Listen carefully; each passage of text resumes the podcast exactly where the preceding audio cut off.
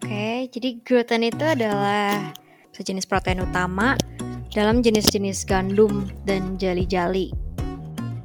Karena gluten ini adanya di gandum dan gandum ini dipakai di berbagai macam makanan.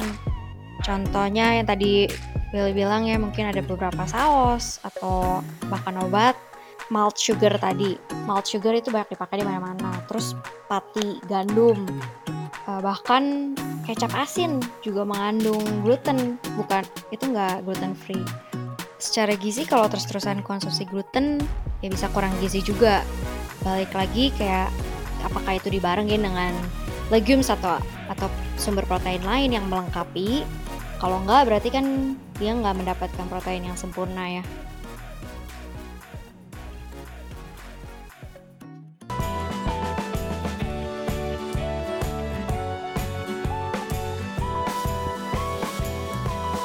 Hai, gue Willy Yonas.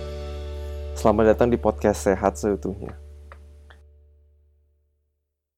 Halo semuanya, selamat datang lagi di podcast Sehat Seutuhnya bersama saya Willy Yonas.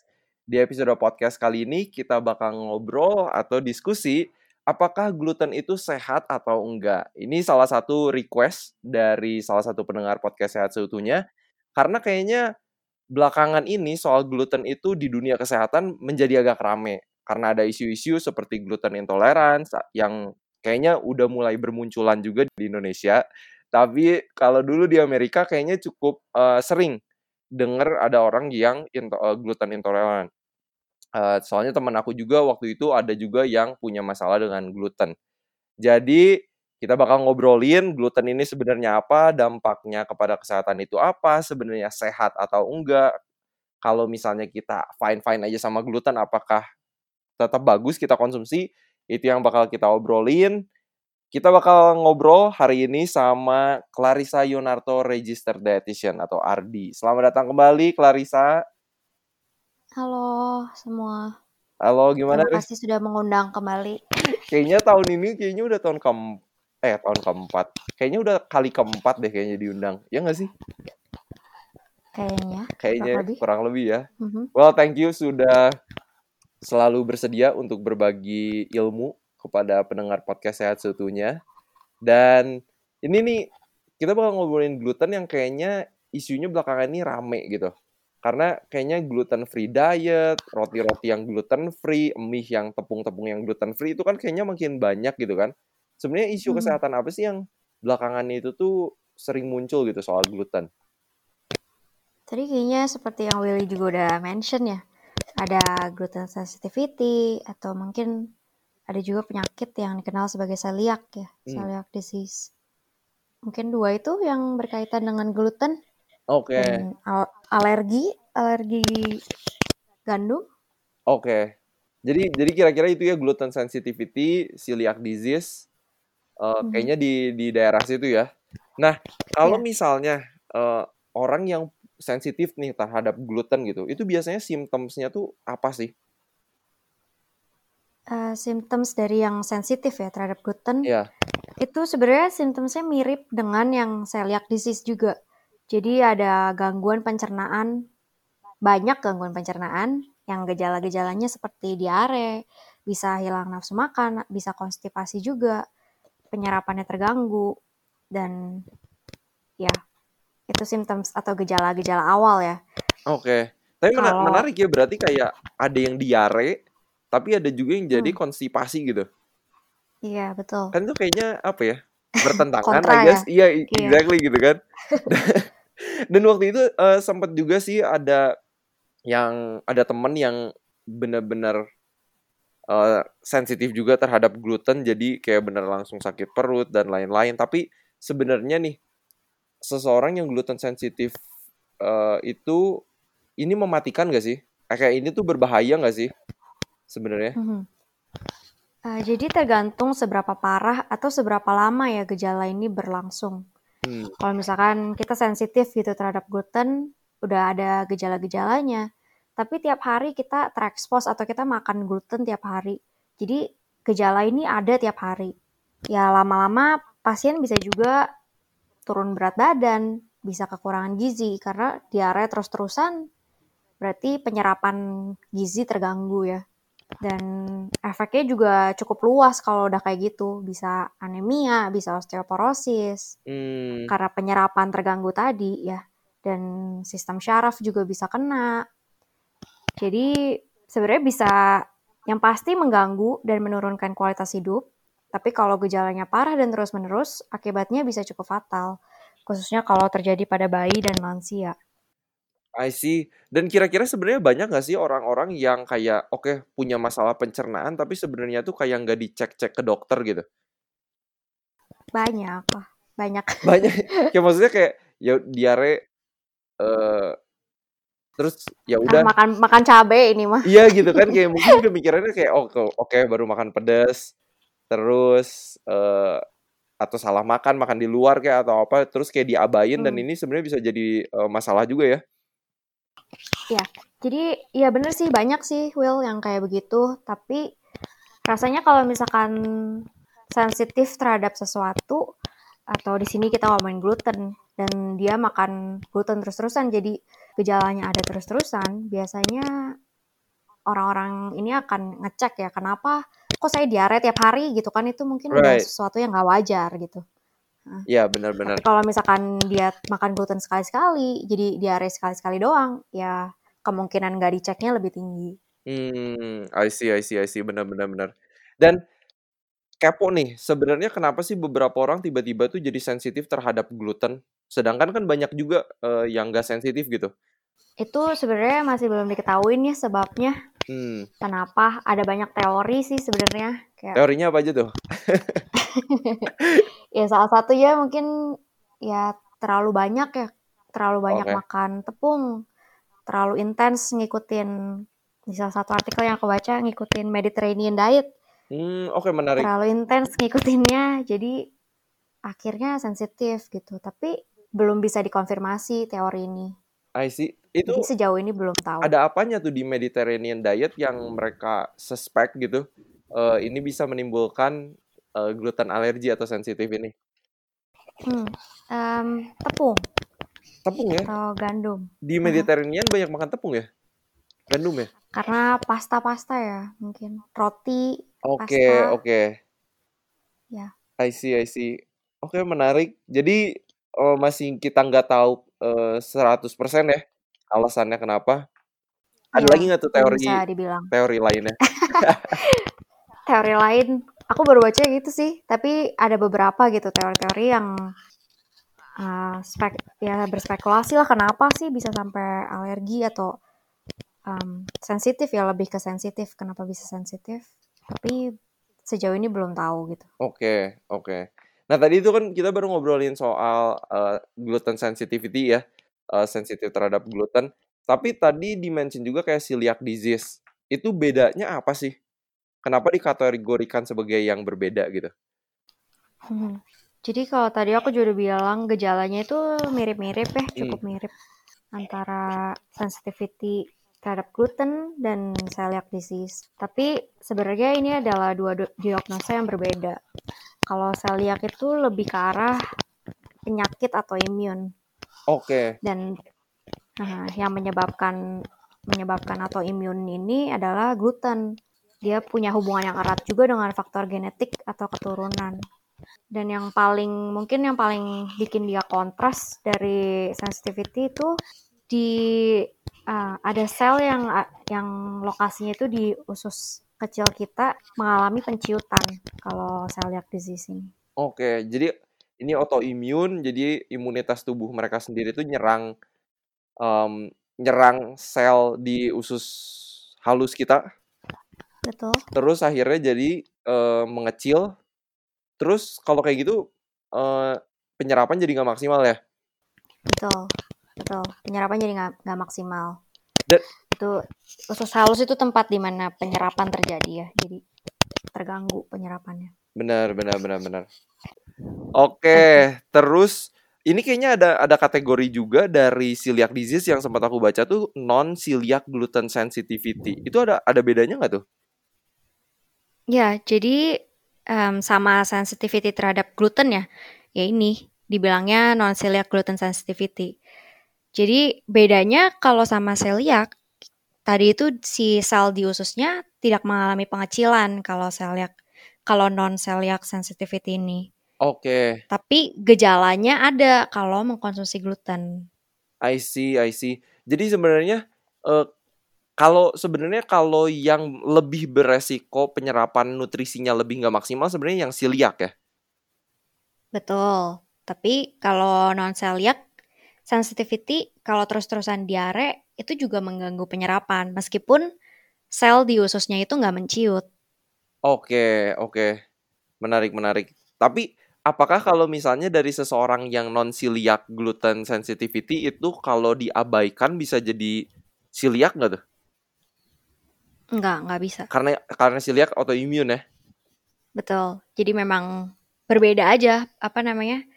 Si dasarnya, dasar kenapa dia mengalami gejala-gejala seperti itu ya berbeda. Oke, oke, oke, menarik, menarik, menarik. Dan hmm. terakhir nih sebelum kita lanjut, ada juga yang aku baca di salah satu uh, research article uh, mention soal hmm. wheat allergy. Kalau itu apakah hmm. itu satu kategori yang berbeda atau sebenarnya sama-sama aja sih? Jadi kalau saya lihat sama sensitivity itu bukan alergi ya. Kalau alergi seperti alergi yang lain-lain bisa terhadap nanas atau terhadap apa pun itu. Hmm. Alergi itu kita uh, menimbul ada antibodi khusus yang dihasilkan di dalam tubuh. Jadi reaksinya pun berbeda gitu kalau dibandingin sama celiac dan non celiac sensitivity. Reaksinya reaksi alergi, hmm. lebih kayak gatal-gatal atau pembengkakan. Uh, ya kalau parah ke saluran pernafasan dan yang tadi ada si um, histamin ini ya dibilangnya okay. jadi reaksi lah gitu terhadap terhadap gandum secara seluruhnya bukan cuma gluten. Tadi kan dibilangnya with allergy ya. Betul. Hmm, Oke. Okay. Jadi bukan khusus kepada gluten. Oke, okay, menarik, menarik, menarik. Ini buat teman-teman, semoga bisa dicerna bedanya antara non celiac gluten sensitivity sama celiac disease, sama with allergy. Semoga bisa kelihatan uh, bedanya itu apa. Dan sebenarnya uh, orang-orang yang sensitif sama gluten itu di dunia sebenarnya banyak gak sih? Kurang lebih sekitar satu persen ya dari populasi oh, di dunia. Oke, okay, berarti sebenarnya nggak terlalu banyak. Tapi satu persen dari 7 miliar? lumayan lah. Lumayan juga kayaknya. ada lah gitu, ada. Tapi banyak banget mah nggak. Oke. Okay.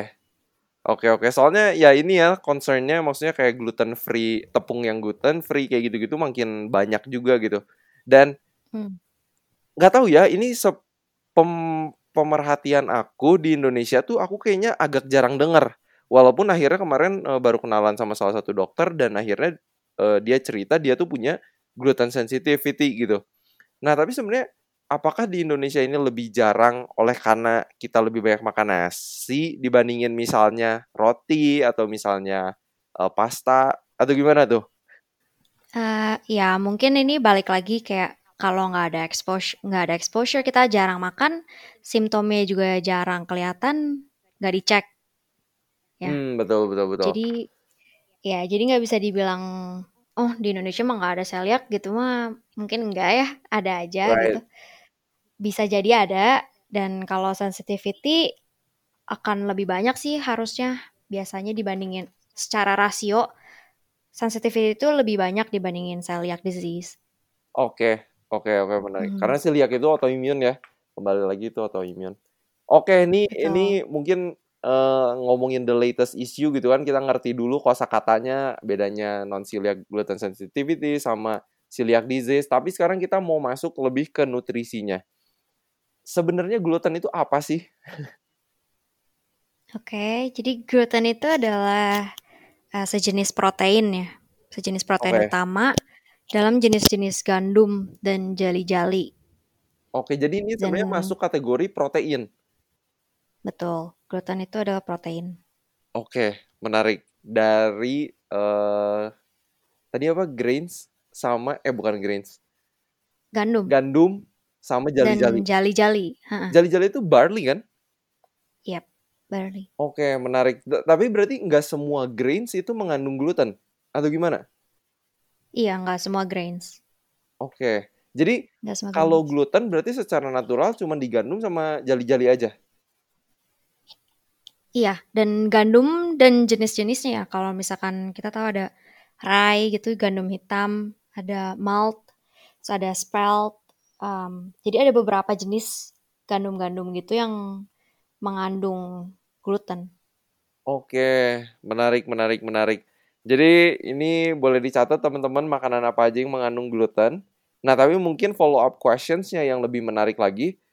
Eh, aku juga menemukan baca bahwa ternyata gluten ini bukan cuma ditemukan eh, di bahan makanan yang tadi ditemukan gitu kan, tapi juga ternyata bisa dipakai di kayak saus sambal, ada saus-sausan, ada di obat-obatan. Itu gimana sih? Oke, karena uh, gluten ini adanya di gandum dan gandum ini dipakai di berbagai macam makanan. Jadi ada banyak banget sebenarnya makanan yang mengandung gluten. Hmm, Contohnya yang tadi Will bilang ya mungkin ada beberapa saus atau bahkan obat karena malt sugar tadi. Malt sugar itu banyak dipakai di mana-mana. Terus pati gandum dipakai di mana-mana. hmm. Uh, bahkan kecap asin juga mengandung gluten, bukan itu nggak gluten free. Dan sebenarnya main concern sama gluten ini tuh kontaminasi ya. Oke. Kalau memang yang sensitif banget atau bahkan celiac didiagnosa dengan celiac disease, mereka tuh harus menjaga dietnya 100% bersih dari gluten kan. Hmm, Jadi nggak mau ada kontaminasi. Dan kayak misalkan havermut, sebenarnya dia nggak mengandung gluten gitu havermut. right. Tapi sistem prosesnya dia itu sering kali dibarengin dengan gandum. Jadi tercemar lah gitu, terkontaminasi. Banyak makanya banyak orang yang kalau saya lihat mereka juga nggak makan havermut. I see. Karena kayak di Jadi pabriknya tuh diolahnya barengan gitu.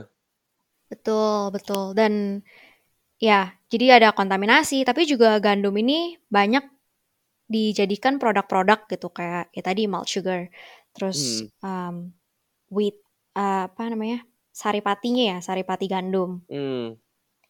Ya jadi itu banyak digunakan gitu. Kalau kira-kira bisa disebutkan makanan-makanan eh, apa yang kemungkinan besar itu mengandung gluten? Kalau kayak di Indonesia nih, makanan Indonesia apa tuh yang mengandung gluten? Oke, well yang udah pasti mengandung gandum ya, kayak roti, pasta, mie, dan lain-lain. Hmm, Terus juga bahkan sereal, soda, permen. Itu kita harus baca lagi sih, balik lagi ke rajin-rajin baca baca label. baca label Bisa, iya, bisa jadi ada em, malt sugarnya tadi, Oke. atau bahkan mereka kadang-kadang tulis juga ya, diproduksi di pabrik yang tercemar atau bukan tercemar apa sih? Yang juga memproduksi gandum gitu atau Hmm, memakai gandum gitu. Jadi umumnya kalau yang memang udah didiagnosa celiac mereka nggak mau yang kayak gitu. Nggak akan pakai nggak akan makan di luar bahkan. Kalau memang nggak 100% eh, gluten free gitu restorannya. Karena bisa terjadi kontaminasi. Right, right. Wow, bener juga ya. Maksudnya bakal menjadi challenge yang cukup besar buat seseorang yang punya gluten sensitivity untuk makan di luar ya. Karena kayaknya betul kalau di rumah juga kalau misalnya dia sensitif dan keluarganya enggak, mungkin kayak masaknya juga harus dipisah. Iya nggak sih? betul benar kalau dan kalau sensitif mungkin nggak se-strict celiac ya nggak Hmm, seketat celiac tapi ya sebisa mungkin kan nggak nggak kontaminasi gitu right, benar benar benar. Dan kalau misalnya tadi mau nanya juga yang kalau di informasi nilai gizi di komposisi bahan makanan kan yang kayaknya paling sering tuh malt sugar ya. Ada Mm-mm, lagi banyak nggak banget tuh? sih itu Ada nggak sih nama-nama lain lagi yang umum gitu? hmm, malt sugar sama itu aja sih pati gandum ya paling yang Pati gandum cukup ya? sering Oke. ya dan ya sebenarnya kan ini adanya di tengah-tengah atau di endosperm dari gandum ya Aha. si gluten ini.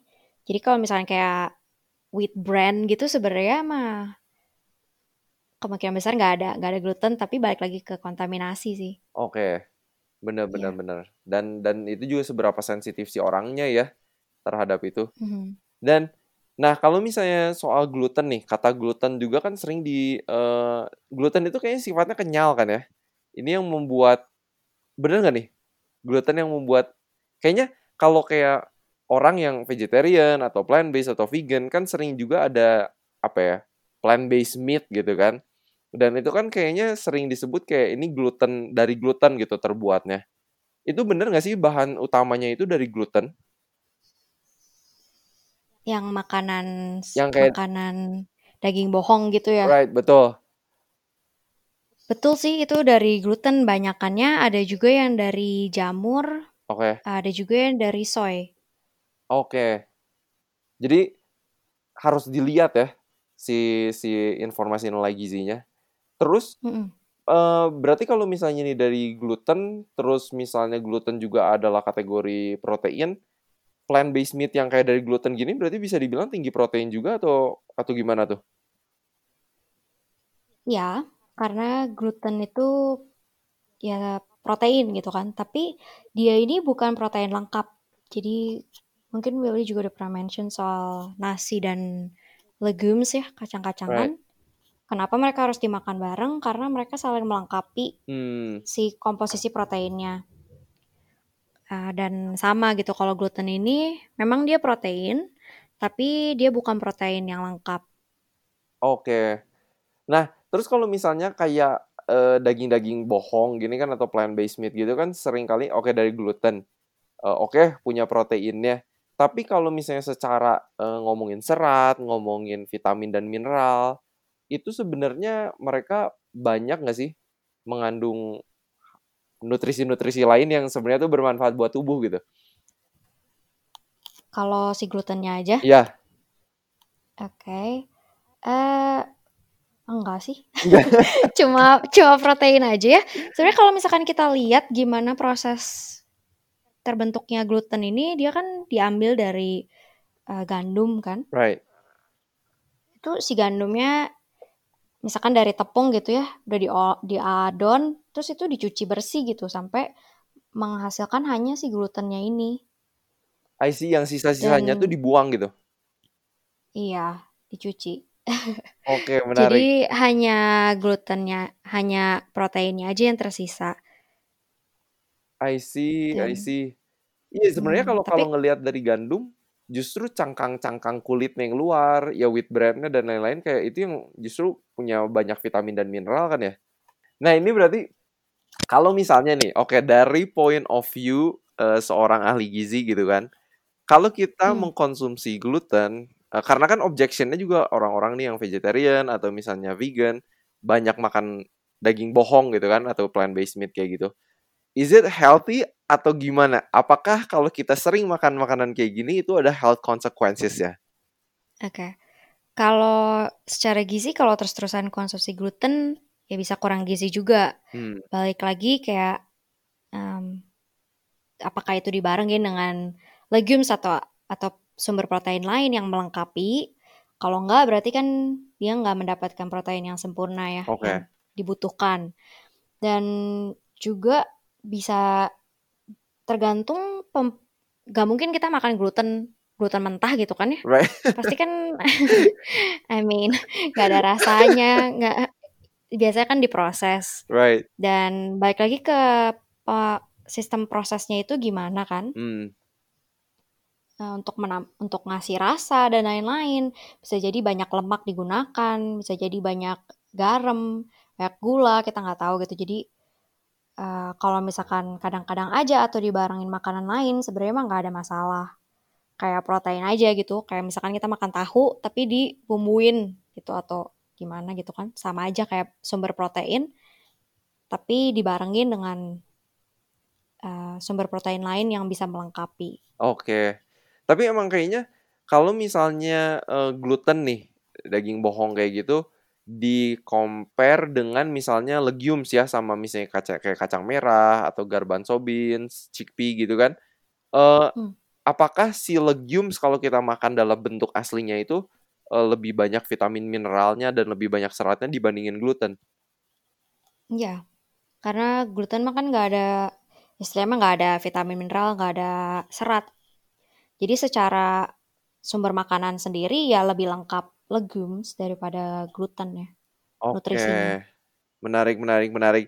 Jadi ini buat, Mhm. teman-teman hati-hati karena kayaknya banyak juga ketika kita mau jadi plant based, kita mau makan lebih sehat, akhirnya, eee, kita banyak lebih banyak mendapatkan protein dari makanan-makanan plant based meat kayak gitu dari gluten yang kita rasa mungkin nutrisinya oke ini kayak daging kok gitu kan, tapi sebenarnya nutrisinya juga nggak bisa dibandingin ya.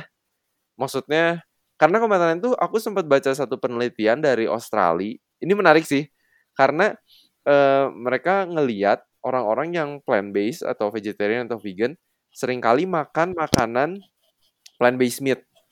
Udah gitu mereka itu merasa bahwa nutrisinya itu bakal terlengkapi begitu aja kalau mereka makan Mmm. plant based meat. Sedangkan kalau misalnya kita compare sama daging asli, daging asli kan di situ ada iron-nya tinggi, apa zat-zat besinya tinggi, yang sebenarnya di plant based meat itu enggak gitu kan. Jadi kayak bener sih yang tadi dibilang kayak kita sebenarnya bisa kurang nutrisi kalau kita, eee, banyak makan plant based meat nggak digabungin sama, eee, yang lain-lain ya. Mhm. Makan plant based meat kayak makan steak gitu ya, Right, itu doang. exactly gitu. Dan we are hoping, eee, untuk mendapatkan nutrisi yang cukup gitu kan, nggak bisa juga Mhm. ternyata ya. Iya, Dan kalau misalnya harus dilengkapi. bener, yes, dan kayaknya concern-nya juga de ta seperti yang tadi Risa udah angkat, bahwa dalam prosesnya itu tergantung juga ya kalau di banyak tambah banyak lemak, gula, garam, dan lainnya juga, mmm, harus itu jadi consideration jugalah ya. Mhm, betul. Dan ada juga yang nambahinnya yang maksudnya kayak vitamin dan mineral gitu, Right. di-enhance kan, eee, yang mungkin baik gitu, tapi ingat itu semuanya sintetis lagi gitu kan, Mmm. bukan sesuatu yang natural. Jadi kalau misalnya kita bisa makan kayak atau bisa dapetin nutrisi yang sama dari kacang-kacangan, ya mungkin itu bisa menjadi pilihan yang lebih baik. Nggak ada nggak ada salahnya makan gluten sekali-sekali. Right right right. Ya aku saya juga masih makan gluten sekali-sekali.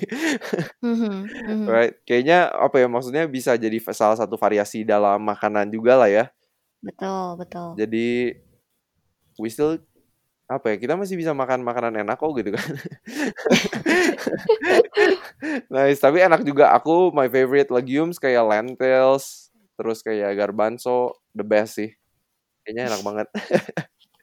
Iya. Nice, kalau misalnya ini ada juga yang, eee, kemarin ada yang sempet nanya juga di Sehat Seutuhnya, bener nggak sih orang itu butuh menghindari gluten kalau mau turun berat badan, is it true?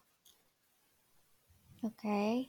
Kalau mau turun berat badan lebih ke arah perhatiin kalori masuk dan keluar kan ya. Mmm. Dan gluten yang adalah protein ya mengandung kalori juga, sama seperti ka apa, protein lainnya. Right. Jadi balik lagi ke pengelolaan kalori, Mmm. bisa bisa jadi kalau misalkan dikurangin dan itu mengurangi kalori kita secara keseluruhan, tapi nggak harus gluten berarti kan? Right, jadi jadi Yang dikurangin. bukan semata-mata kita menghindari gluten terus berat badan bakal turun juga gitu kan? Betul betul, balik lagi ke kalorinya. Kalau misalkan kita mak glutennya nggak makan tapi es krimnya makan. Kayaknya sama aja, You kayaknya know? es krim juga kalori kalorinya juga banyak banget gitu kan. Iya, bener, dan kalau penurunan berat badan, eee, kayaknya rata-rata targetnya 500, eee, kalori per day ya de defisitnya ya? Iya, betul. Betul. 500 kalori per hari, supaya turunnya juga nggak terlalu drastis ya. Right, betul betul. Oke, ini mungkin nanti bisa dibahas lagi apa yang akan terjadi, eee, atau apa yang bisa terjadi kalau seseorang penurunan berat badannya terlalu drastis. Eee, loh. semoga ini terjawab buat, eee, yang bertanya waktu itu, aku pun lupa siapa yang bertanya, tapi anyway, mmm, semoga terjawab. Jadi tetap komposisi makanannya, kalori defisitnya bukan cuman gluten aja, tapi mungkin kayak gluten karena gluten tidak mengandung serat mungkin jadi nggak bikin kita cepet kenyang. Bisa, dibandingin protein lain yang mengandung serat ya, Betul. akan lebih menjaga ke apa, kekenyangan. Betul. Jadi makan legumes yang asli, kacang merah, kacang hijau, lentils, garbanzo beans, chickpea, eee, apalagi black beans, dan yang lainnya. Dan oke, mungkin ini pertanyaan terakhir sebelum mungkin ada, eee, tambahan dari Risa. Kalau misalnya seseorang nggak punya symptoms, eee, apakah itu oke buat kita terus makan gluten? Maksudnya makan makanan yang mengandung gluten, Karena ada juga orang-orang sekarang uh, yang salah satu yang bertanya juga kayak uh, ke sehat seutuhnya, kalau uh, mereka tuh jadi kayak ada ketakutan tersendiri terhadap gluten gitu. Hmm. Gimana tuh? Uh, balik lagi ya gluten itu kan terkandung di gandum. Jadi banyak banget gitu makanan yang mengandung gluten. Kalau memangnya kita mau menghindari gluten secara keseluruhan, cukup susah. Bisa sih, bisa banget. Tapi akan sangat ketat gitu ya diet kita. Hmm. Jadi kalau misalkan kita nggak punya gejala terhadap gluten, ya nggak ada salahnya sih. Nggak, maksudnya nggak ada masalah gitu kalaupun kita makan gluten. Right. Kalau nggak bereaksi ya nggak harmful kan. Misalkan ada orang alergi tomat, ya tomat pada dasarnya nggak harmful gitu. Hmm. Tapi kalau kamu alergi terhadap tomat ya jadi harmful. Ya jangan dimakan aja gitu kan. iya. kalau jadi harmful. Oke, ini semoga uh, membuat teman-teman yang lagi dengar podcast saat seutuhnya ini juga lebih memiliki perspektif soal gluten karena kayaknya banyak juga eh, informasi-informasi yang beredar di luar sana kalau gluten itu sebenarnya harmful dan gak bagus gitu walaupun kita nggak punya simptom apa pun terhadap gluten. Mungkin ada lagi yang mau ditambahin, Chris? Uh, sebagai kesimpulan ya. Boleh. Sebenarnya tadi juga udah kesimpulan lah, tapi kayak menekankan lagi aja bahwa gluten itu pada dasarnya hanyalah protein. Dan bahkan sebelum diekstrak atau dalam bentuk gandum utuh ini adalah sumber makanan yang sangat baik gitu. Ada protein ada lemak ada karbonya hmm. ada vitamin dan mineral. Jadi nggak perlu terlalu takut terhadap gluten. Apalagi kalau kita nggak bereaksi secara negatif ketika makan gluten. Hmm. kalau memang nggak bisa toleransi ya baru itu dikurangi atau bahkan dihindari konsumsinya Right, betul betul betul. Dan kalau boleh dimention tadi simptomnya apa aja sih kalau seseorang itu sensitif terhadap gluten? Sensitif ya? Yeah. Sensitif bisa diare, bisa konstipasi, bisa uh, kembung ya, merasa kembung atau uh, sering buang gas. Oke. Okay. Banyak sih sebenarnya bisa mirip-mirip sama IBS ya apa? Irritable bowel syndrome ya? Iya, iritasi usus usus besar ya. Oke. Okay. Mm-hmm. Jadi kalau buat teman-teman yang punya ciri-ciri kayak gitu, mungkin saran kita segera pergi ke dokter dicek. Uh, jadi kita tahu sumber masalahnya apa. Kira-kira kayak gitu kali ya? Iya, kalau terus-menerus ada gejala seperti itu. Oke. Okay. Well, thank you so much sudah berbagi Clarissa Yonarto. Semoga ini membuka wawasan para pendengar sekalian. Boleh di-share buat teman-temannya juga yang mungkin memiliki masalah gluten atau misalnya yang pengen tahu dan concern punya uh, concern akan hal-hal kesehatan. Dan tungguin juga podcast-podcast selanjutnya kalau teman-teman memiliki topik-topik yang ingin kita bahas, yang ingin kita research dulu, pelajari dulu supaya kita bisa memberikan informasi-informasi yang berbasis bukti atau evidence based boleh untuk hubungi kita juga di Instagram @setupnya. Kalau dari kalau begitu, saya mengundur diri. Saya Willy Onas. Saya Clarissa. Harapan kita seperti biasa, semoga kita sehat, sehat seutuhnya.